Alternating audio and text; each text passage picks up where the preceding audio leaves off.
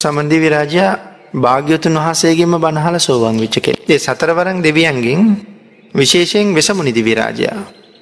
විරූඩ විරූපාක්ෂ වෛශ්‍රවන දෘතරාෂ්ට. එතට මේ වෛශ්‍රවන දිවිරාජයා යටතේ මේ දිවිරාජයාගේ ඉන්නවා සෙම්පතියෝ විසි අට දෙනෙක්.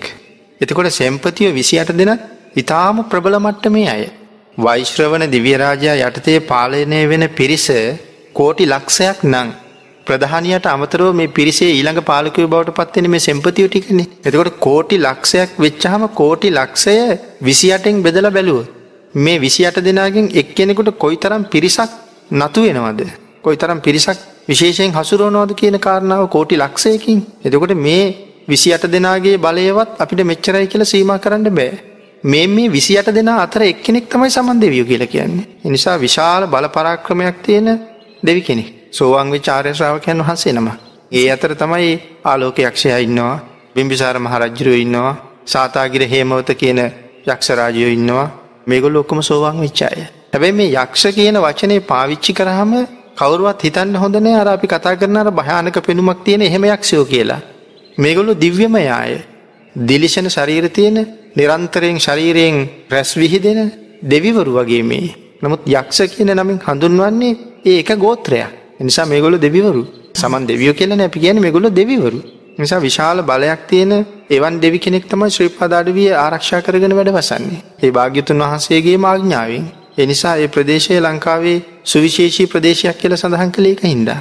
සම්මාධිට්ටික දෙවියන් ගැන අපි කතා කරනකොට සමන්දවියොත් සුවිශේෂයි. එහින්ද අපිට උන්වහසේ ඉතා විශේෂ දෙවි කෙනෙක් නිසා උන්වහසට පින් අනුමෝදන් කරන එකත් හරි වටිනවා. උන්වහන්සේ සම්මාධිට්ටික දෙවි කෙනෙක් එකැන භාග්‍යතුන් වහන්සේ සරණ ගියපු කෙනෙක්. එතකොට සරණ ගිහිල්ලා සෝවාන් කියන ආර්ය මාර්ග පලයට ආපු කෙනෙක්. එකැන ඉතාම පුුණ්‍යවන්ත කෙනෙක්. සසරින් මිදෙන්ට තව ආත්ම හතක ජීවිතයක් විතරයි උන්වහසට තියෙන්නේ. එනිසා ඒවාගේ උත්තමයකුට දැන් අපි මහා සංගරත්නයට දම්පැම් පූජා කරන්නේ මහට සෝවාන්නාදී මාර්ගඵලයකට ඇවිල්ල නෑ. නමුත් බුදුරජාණන් වහන්සේ දේශනා කළා තෙරුවන් සරණ ගිහිල්ලා. පන්සිල් ආරක්ෂා කරන කෙනෙකුට ආහාරවේලක් ලබල දුන්නොත් අනාගත ජීවිත අසංකේයකට ආහාර හම්බ කලා බවට පත්වෙනවා කියලා. එතකොට මේ ශාසනය දැනට ඉන්න මහා සංඝයා අපි මාර්ග පල ලබල නැති මහා සංඝයා පිළිබඳව කතා කළොත්.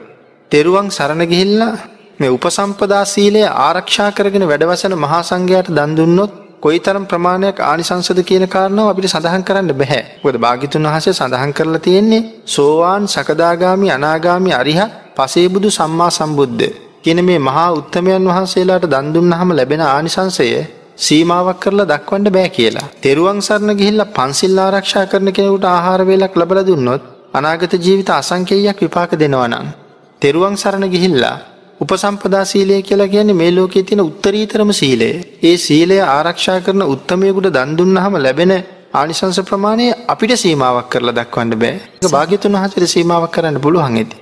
අපිට සීමාවක් කරන්න පුළුවන්කමක් නෑ. ගොඩ පන්සිල් රකින කෙනෙක් ගැන අපි කතා කළේ දෙකට එහෙනම් තෙරුවන් සරණ ගිහිල්ල අටසිල් ආරක්ෂා කරන කෙනෙක් නවසිල් දසසිල් ආරක්ෂා කරන කෙනෙක් සාමනේර ස්වාමීන් වහස නමක් දසසිල් ආරක්ෂා කරනවා. ගිහි අයටත් දසසිල් තියෙනවා. සාමනේර දස සීලෙයි ගිහි දස සීලෙයි වෙනසක් තියෙනවා. නමුත් ඒ සීලය ආරක්ෂා කරන අයටත් එහෙනම් දන්දුන්න හම කොයි තරං ආනිසංස ලැබෙනවාද.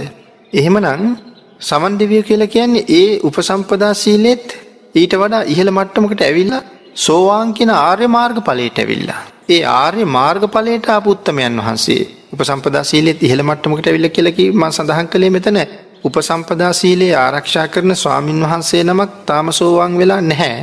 ගැන එහෙම ස්වාමින් වහසලන ඉන්නේ. සෝවන් වෙච් අයත් ඉන්නවා. මන් සඳහන් කරන්නේ උපසම්පදා සීලයේ හොඳින්ම ආරක්ෂා කරනවා. තාම මාර්ගඵලයකට ඇවිල්ල නෑ එතකොට සමන්දවියෝ ඒ උතුම් මාර්ගඵලයට ඇවිල්ලා එතකොට උන්වහන්සේට අපි යම් සත්කාරයක් කරනවනම් වන්දනාවක් කරනවනම් ආහාරපාන පිළිගැන්වීමක් කරනවනම් පහන් දැල්වීමක් කරනවනං ඒක කොයි තරම් ආනිසංසදායක වෙනවද මිත්‍යා දෘෂ්ටියකට යන්නේ නෑ සම්මාධිට්ටික නිසා කාරණාව තමයි උන්වහන්සේ අති උතුම් සීලයකින් යුක්තයි සෝවන් ආර්යශ්‍රාවකයන් වහන්සේ කවදාවත්ම පව් කෙරෙන්නේ නෑ උන්වහස ඇතින්. කිසිම පාපයක් කිසිම දවසක කෙරෙන්නේ නෑ. මුළු ජීවිතයෙන්ම සීල සම්පන්නයි. සතරාපායක යන්නෙම නෑ නිවන් දක්නා ජාති දක්වා. ඒ තරම් උත්තමයෙක් උදෙසා පූජා පවත්වනවා කියන එක තා විශාලානිසංසදායක සිදුවීම එනිසායක හරි වටිනවා. භාග්‍යතුන් වහන්සේට පුද පූජාවන් පවත්වලා ඒ සම්මාධිට්ටිකයන්ට පින් අනුමෝදන් කරනවා කියන එකෙත් වරදක් නෑ. පහනක් දැල්ලුව කියන කාරණාවත් වරදක් නැහැ.